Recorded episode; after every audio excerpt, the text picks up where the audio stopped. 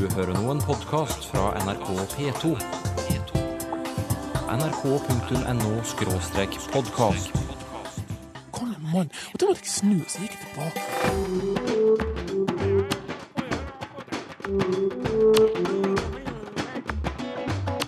Kjør det vålegale, kjør det mykje, vålegale, kjør det mykje. Napoleonskrigene satte en stopper for dansketiden. Etter 400 år som dansk lydrike ble Norge gitt til Sverige. I den nye, mye løsere unionen kunne arbeidet med å utvikle nasjonalstaten Norge begynne.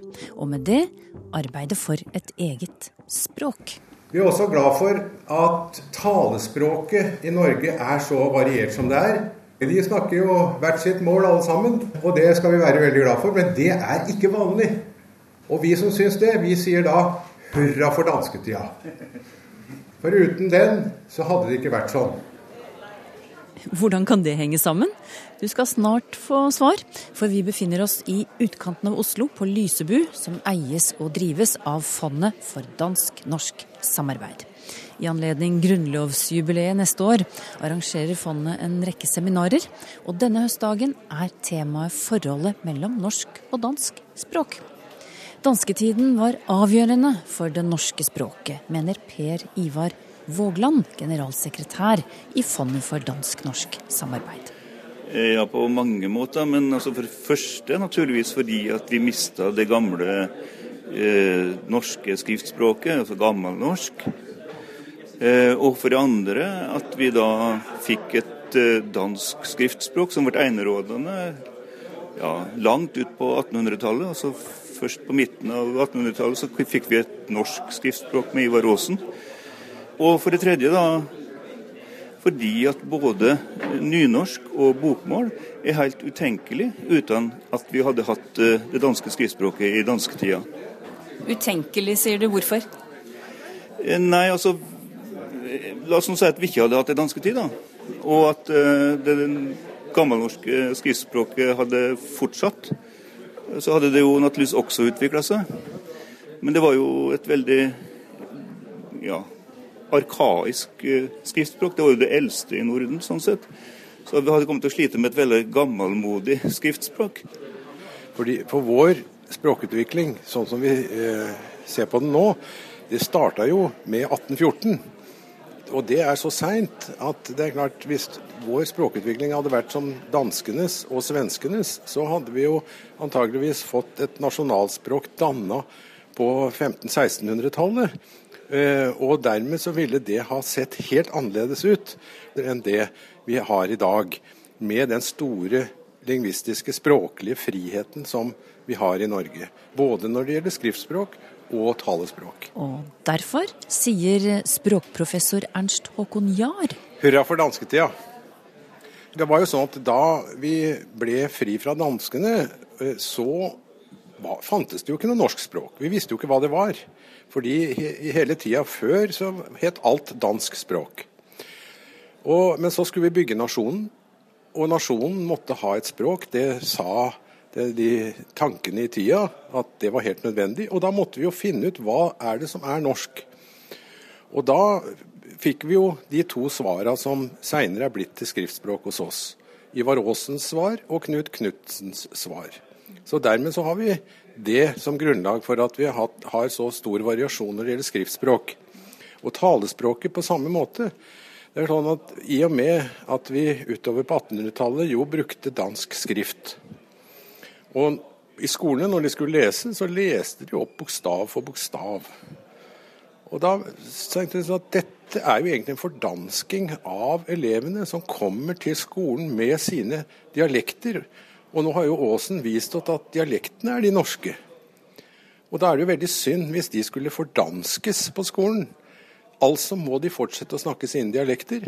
Og dermed så fikk vi det vedtaket i Stortinget i 1878 om at undervisninga skal foregå på barnas eget eh, talemål, sin egen dialekt.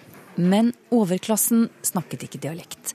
Hos dem var det talte riksmålet normen. Det oppstår jo på, på særlig på 1700-tallet, i møte mellom dansk skrift og norsk tale. Og det som er interessant, er at det var det jo overklassen, den eh, nasjonale overklassen, som eh, utvikla.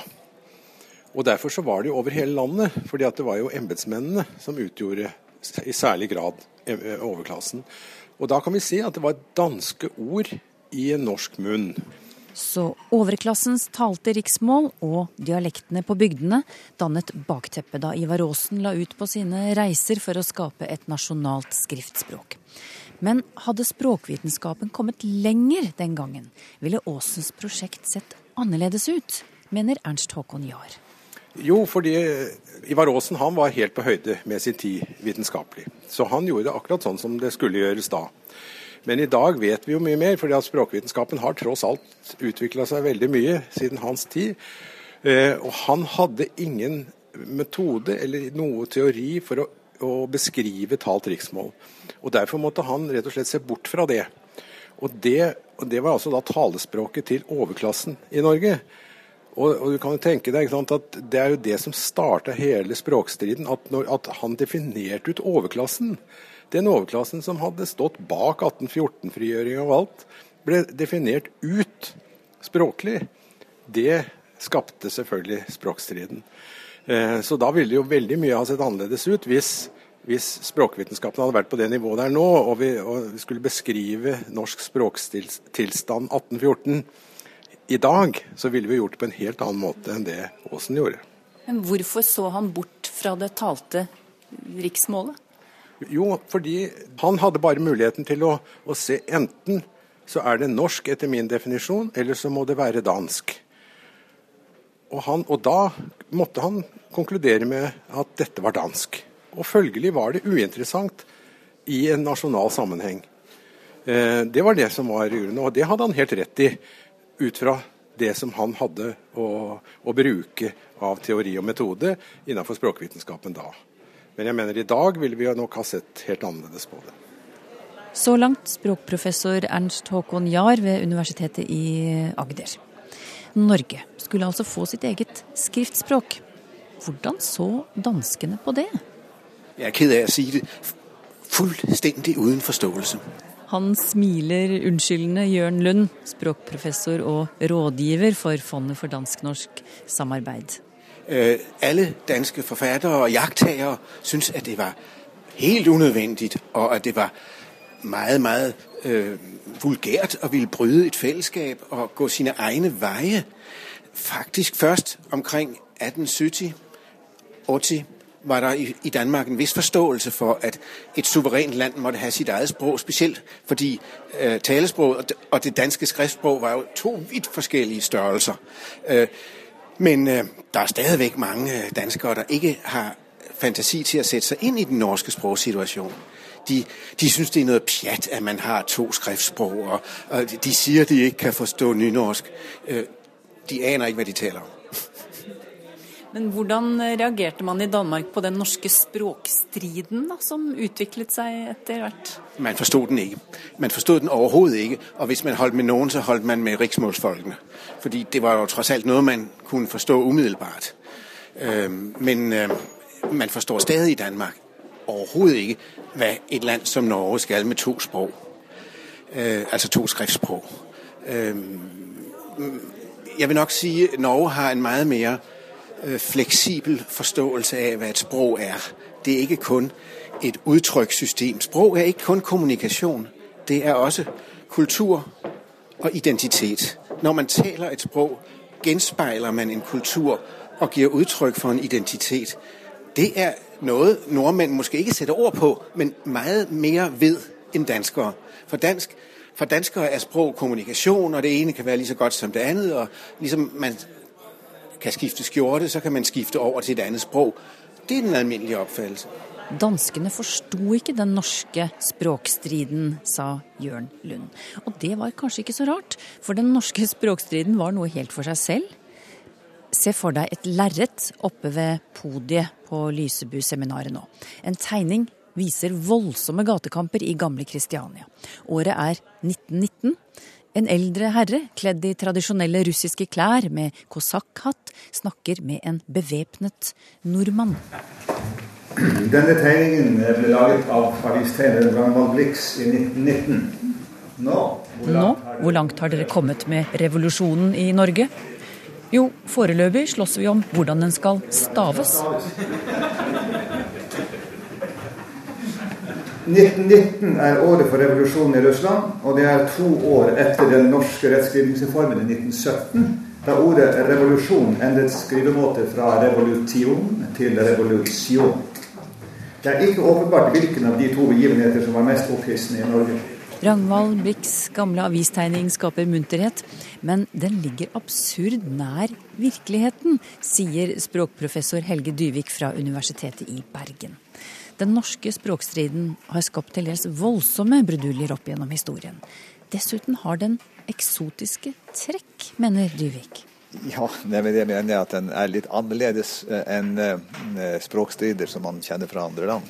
Eh, kanskje først og fremst fordi det er to så nærstående varianter som står imot hverandre, og fordi det er en ren språkstrid, til en viss, i hvert fall langt på vei. Og med det mener jeg at det er ikke en, strid mellom to etniske grupper, som, som f.eks. Eller, eller to eh, grunnleggende forskjellige språk. Eh, det er to forskjellige måter å kodifisere norsk på som står, står mot hverandre. Men eh, det blir ikke mindre følelser av den grunn, kanskje heller, kanskje heller flere. Men denne språkstriden, hvordan, hvordan eh, oppsto det språkstrid i Norge egentlig? Hva var starten? Ja, Starten var jo på 1800-tallet, da det i grunnen var enighet om at Norge trengte å få et norsk eller norskere skriftspråk, fordi vi jo på den tiden eh, fremdeles brukte dansk som skriftspråk. Og så var det da to ganske forskjellige måter å oppnå dette på, som uh, førte til motsetningene først. Vi hadde på den ene side Ivar Aasens arbeid med å konstruere et nytt skriftspråk. På grunnlag av det han oppfattet som de beste dialektene, dvs. Si de dialektene som hadde vært mest uberørt av innflytelse utenfra. Det var da helst landsens dialekter på Vestlandet og noen andre steder. Og så brukte han da en historisk eh, metode for å lage et skriftspråk ut av dette. Han, han, eh, han, brukte den tidens språkvitenskapsmetode, som jo da den tidens språkvitenskap var opptatt av å rekonstruere og komme frem til urspråk. Og han brukte denne metoden for å rekonstruere man kunne si en slags tenkt forutgående språk for de beste dialektene. Eh, på den måten så fikk han da et skriftspråk med verdighet og historisk patina. Han var ikke opptatt av at folk skulle skrive slik de snakket, men han var opptatt av at skriftspråket skulle reflektere strukturen i de beste dialektene. Eh, men han tok da ikke hensyn til bymål, fordi bymål etter hans språkoppfatning var eh, det var ikke norsk nok. Det var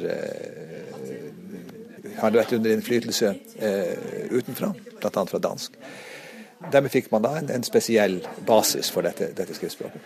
Den alternative måten å gjøre det på, som ofte knyttes til eh, språkmannen Knut Knutsen, var jo da å modifisere og reformere det danske skriftspråket i norsk retning, altså fornorske det. Så kan man jo spørre seg hvordan, hvordan kan man gjøre det? For eh, norsk eksisterte jo da i mange forskjellige dialekter. Eh, og hvis man da ikke skulle gjøre som Aasen og gå historisk til verks, eh, hvordan skulle man finne en enhet? Vel, eh, Knudsens utgangspunkt her var det han oppfattet han kalte for den, den landskyldige, dannede dagligtale. Det talespråk som, som også omtales som talt riksmål, og som da eh, har sitt opphav egentlig i et slags dansk-norsk talt fellesspråk som utviklet seg i byene, særlig Kristiania, altså Bergen, på, eh, på 1700-tallet. Og um, dette skriftspråket var jo da morsmål for mange nordmenn, men det var jo da gjerne knyttet til en, til en bestemt sosiolekt i, i flere byer. Før århundret var omme, hadde Ivar Aasens landsmål fått status som offisielt norsk skriftspråk, på linje med det alminnelige skrift- og bokspråk, som det het den gangen. Men kampen var ikke over med det. Begge organiserte seg. I 1906 kom Norges Mållag, eh, som da eh, var en organisasjon for å kjempe for at, etter hvert for at eh, Åsens landsmål skulle bli eneste riksmål i landet. Og i 1907 ble Riksmålsforbundet eh, stiftet av Bjørnstjerne Bjørnson. Riksmål var da det nye navnet på den fornorskede versjonen av dansk skriftspråk. Og eh, de hadde selvfølgelig også ambisjoner om å være det eneste riksmålet i landet. Så eh, der var de første frontene. To fronter som gjerne tok en nevekamp om nødvendig. Da Det Norske Teatret åpnet i Kristiania i 1913 og spilte på landsmål, ble det voldsomme sammenstøt både i gatene og i teatersalen. Og ellers var debattene mange. Hvilken plass skulle landsmålet ha i skolen? Skulle norsk sidemålsstil bli obligatorisk til artium? Hva med de folkelige bymålene, var de vulgærtale eller dialekter? Det var mye å være uenig om. I tillegg kom alle rettskrivningsreformene, som også kunne få blodet til å bruse. Ta reformen i 1917 f.eks. For det første skulle man da normere bokmålet ikke bare eh, pga. taltriksmål, men også pga. Former fra eh, dialektene, som også skulle, skulle tillates, i tillegg til, til de, de, tradisjonelle formene. Og man skulle også uh, oppnå en viss tilnærming til nynorsk, man, eller til landsmål, som det het på den tiden. For uh, ideen om at man egentlig burde ha kun ett skriftspråk, ett felles skriftspråk, begynte å ta form på den tiden der. Og man tenkte seg at eh, man kunne eh, begynne å berede grunnen for det i 1917. Det var kontroversielt. I hele tre dager ble forslaget debattert i Stortinget før det gikk igjennom, med knepent flertall. Men når jeg ber Helge Dyvik om å trekke fram den mest omstridte reformen, da velger han den fra 1938, der ønsket om et felles samnorsk skriftspråk kom enda tydeligere til uttrykk. Og eh, det skulle da skje ved at man for det første innførte en god del altså i bokmål for eksempel, innførte en god del former fra nynorsk og fra eh, målføre, som ikke egentlig var da nynorsk i utgangspunktet, som det var valgfrihet mellom. Men det var på en annen side ikke mulig å velge mange av de tradisjonelle formene. De blir da utelukket fra normen. Slik at eh, det var, Dette var ikke en rettskrivningsreform eh, eh, bare, men det var i, i, minst like stor grad, i større grad, en språkreform. Og med altså da nytt normeringsgrunnlag som ble formulert i Norsk språknemnd, som ble opprettet i 1952, hvor formålsparagrafen var at den skulle fremge tilnærming mellom de to skriftmålene på norsk folkemålsgrunn. Norsk folkemålsgrunn var da det nye normeringsgrunnlaget. Uh, og den skapte jo en, voldsom strid. Nå kom jo riktignok krigen imellom, hvor man fikk litt andre ting å tenke på. Men etter krigen så ble da 38-rettskrivningen innført, uh, da i skolebøker og, og, i offentlige dokumenter. Og dette skapte jo en voldsom strid. Hvorfor skapte det sånn strid? Hva var det som var så provoserende med dette her? Det vil det nok være mange ulike syn på. Hvis jeg skal gi min litt mer sånn personlig diagnose av det, så eh, er det jo at jeg mener denne reformen undervurderte eh, den historiske egentyngde et utviklet skriftspråk har. Altså Man hadde en, en, en forestilling om at man hadde et politisk godt formål, mente mange. ikke sant? At uh, språket skulle bli, uh, det skulle bli mer demokratisk, mindre knyttet til en bestemt sosial klasse. ikke sant? Det, man skulle bevege seg mot ett språk. Det er klart det var praktisk nyttig å ha kun ett språk i landet. Og, og man antok kanskje at siden dette var så åpenbart ønskelig, så skulle det la seg gjennomføre. Men, men problemet er at for språkbrukere selv så oppfattes jo normene i deres språk, altså det som definerer deres språk, som en slags altså, som faktisk naturgitt. Som, som, altså det er liksom den spontane opplevelse folk har. Er, altså, tenk bare på hvordan man diskuterer hva som er godt og dårlig språk. Mener, Man er liksom ikke i tvil. Og, og, og, man skal ikke utfordre folks oppfatning av rett og galt i språket. Så, så dette sitter dypt i. Og eh, det er mulig, tror jeg, at reformatorene undervurderte i hvilken grad dette også gjaldt et skriftspråk i et samfunn som vi hadde, hvor folk kunne lese og skrive, og hadde et forhold til skriftspråk, og ikke minst litteraturen.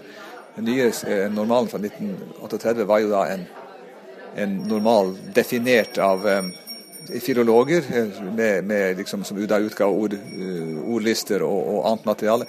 Men det er ikke nok til å lage et språk. ikke sant? Det var ingen litteratur på dette språket. Det var ikke noe som kunne fenge. Eh, slik at, eh, at folk syns, oppfattet dette som et, som et overgrep. Altså Mange gjorde det, ikke alle selvfølgelig. Det førte jo da f.eks. Til en foreldreaksjon.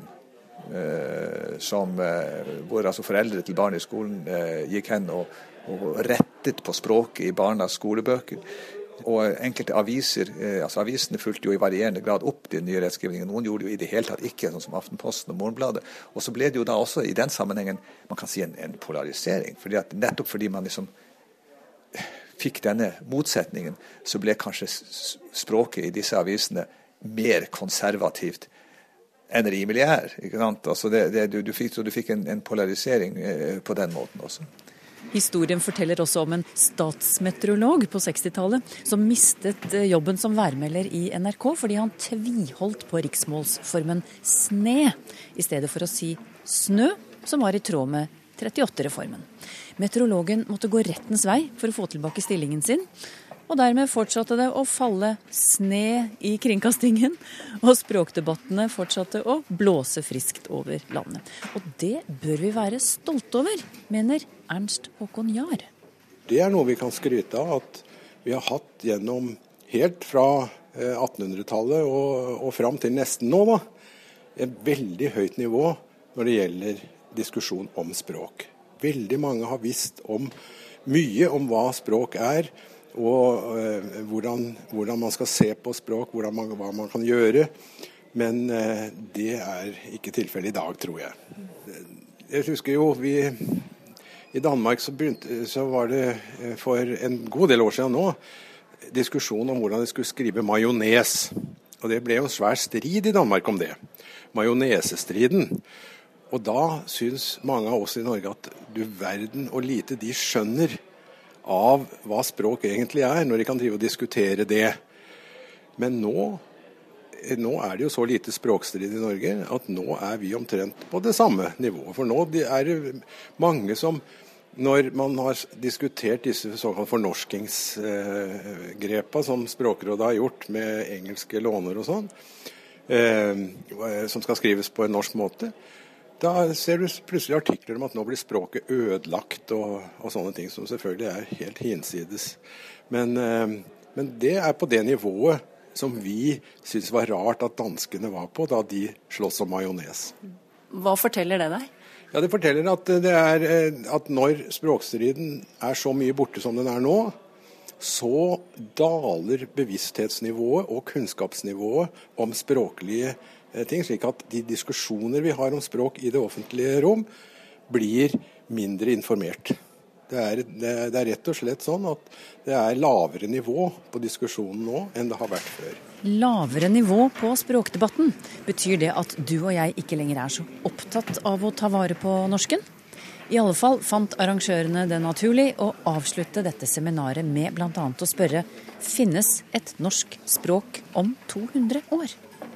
Det fins helt sikkert norsk om 200 år, men jeg er også helt sikker på at den norsken ikke ser ut som og høres ut som den norsken som vi snakker og skriver i dag. Forfatter og språkviter Helene Uri er optimist. Men å si noe om hvordan språket vårt kommer til å se ut om 200 år, det er ikke lett. Det vi i hvert fall kommer til å se, er jo masse forandringer på ordforråd. Mange, mange nye ord. Som kommer hvorfra? ja, de kommer i hvert fall fra engelsk, men de kommer nok andre steder fra også. Kanskje fra minoritetsspråk? Hva tror du, eh, Sylfes Lomheim, fins det norsk om 200 år? Ja, i alle fall tale. Skrift, voner jeg. Eh, fordi at når vi snakker om framtida til norsk, så mener jeg det er veldig viktig å skilje mellom om vi da tenker på norsk tale eller norsk skrift. Og det er nok skrifta i sine to varianter, bokmål og nynorsk, som i første omgang lever utsett når det gjelder å bli tatt mindre i bruk, altså såkalla områdetap eller domenetap. Det er der den nære trusselen ligger for norsk språk. Ja, Hva kan i verste fall skje da? Nei, I verste fall så kan det bety at vi stadig snakker norsk om 200 år, og så skriver vi i hovedsak engelsk. Tror du på det, Helene Uri? Nei, jeg gjør ikke det. Jeg tror at vi, kan, vi kommer til å se domenetap, som vi ser begynnelsen på i dag også, innen sånn forskning og undervisning innenfor la oss kalle det business, bare for å demonstrere hva vi snakker om. Eh, da tror jeg du vil se det både på skriftspråk og, og på talespråket. Men hva må til for at vi skal klare å bevare norsken? Også at den er her om 200 år? Da må vi ha gode holdninger til morsmålet vårt og vite at det er dette vi vil. Dette er det språket som ligger vårt hjerte nærmest. Dette er det språket vi vil bruke. Dette er det språket vi vet duger. Det er det som må til. Gode holdninger. Ja, hvordan skaper vi det, da? Ja, vi har dem jo. Det er jo For nordmenn så er jo norsk det beste språket. Det er jo sånn vi tenker i dag. Så jeg tror vi skaper det ved å F.eks. For, for å snakke som forfatter, så tror jeg vi skaper det bl.a. ved å lage, legge forholdene til rette for at det blir fortsatt skrevet eh, god litteratur på norsk. Blant annet. Hvis jeg ser rundt meg i det norske samfunnet i dag, så er ikke jeg like imponert over de holdningene som er rundt meg når det gjelder å ta vare på norsk, som kanskje Helen Uri. Hva er det, det, du tenker på da? Nei, jeg møter mange mennesker som rett og slett ikke bryr seg noe særlig. Og jeg har møtt nordmenn som sier at ja, det er ikke så farlig med norsken, vi kan bare gå over til engelsk. Så dette bildet er ikke entydig lyst. Ja, Vi kan bare gå over til engelsk. Kanskje vi får et tospråklig samfunn, Helene Uri? Ja, det kan jo hende. Og det hadde vel ikke vært det verste som kunne skje heller. Det kan godt hende det, at om 200 år så er nordmenn tospråklige. Det kan jo hende. Du eh, mener at eh, en trangere norm kan, kanskje kan være med på å, å, redde norsk. Hva tenker du på da? Det er så veldig mange ord både i bokmål og nynorsk som er valgfrie. Eh, og det tror jeg ikke er noe styrke når vi skal kjempe mot en sånn ytre påvirkning som, som engelsk er. Da tro, har jeg tro på en trangere norm. At det er én måte å stave et ord på sånn stort sett, at det er, er bedre, da. Kan vi tenke oss at vi i framtiden bare har ett skriftspråk? Ja, jeg har jo sagt det at hvis vi greier å opprettholde eh, begge skriftvariantene våre i la oss si 150 år til, da har bokmålet forsvunnet, og nynorsken har forsvunnet. Og da vil vi ha et felles skriftspråk. Og hvordan det ser ut, det er ingen som vet i dag, men det vil ligge og flyte en stad mellom nynorsk og bokmål i dag. Og hvis det er situasjonen, et samnorsk i framtida, så vil jo jeg være veldig glad. Fordi at alternativet er jo at ikke vi har det, og da er det engelsk språk som har tatt over. Sa Språkteigens egen Sylfest Lomheim, som jo også er professor i språk ved Universitetet i Agder.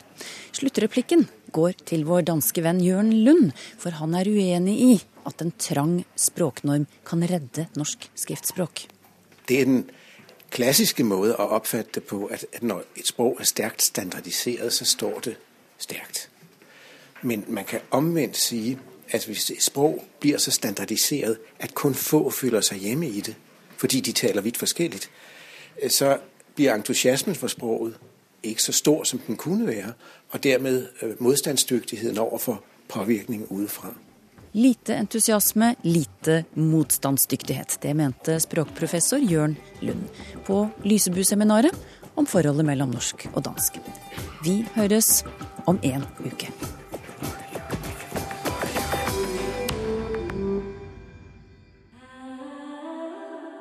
nrk.no podkast.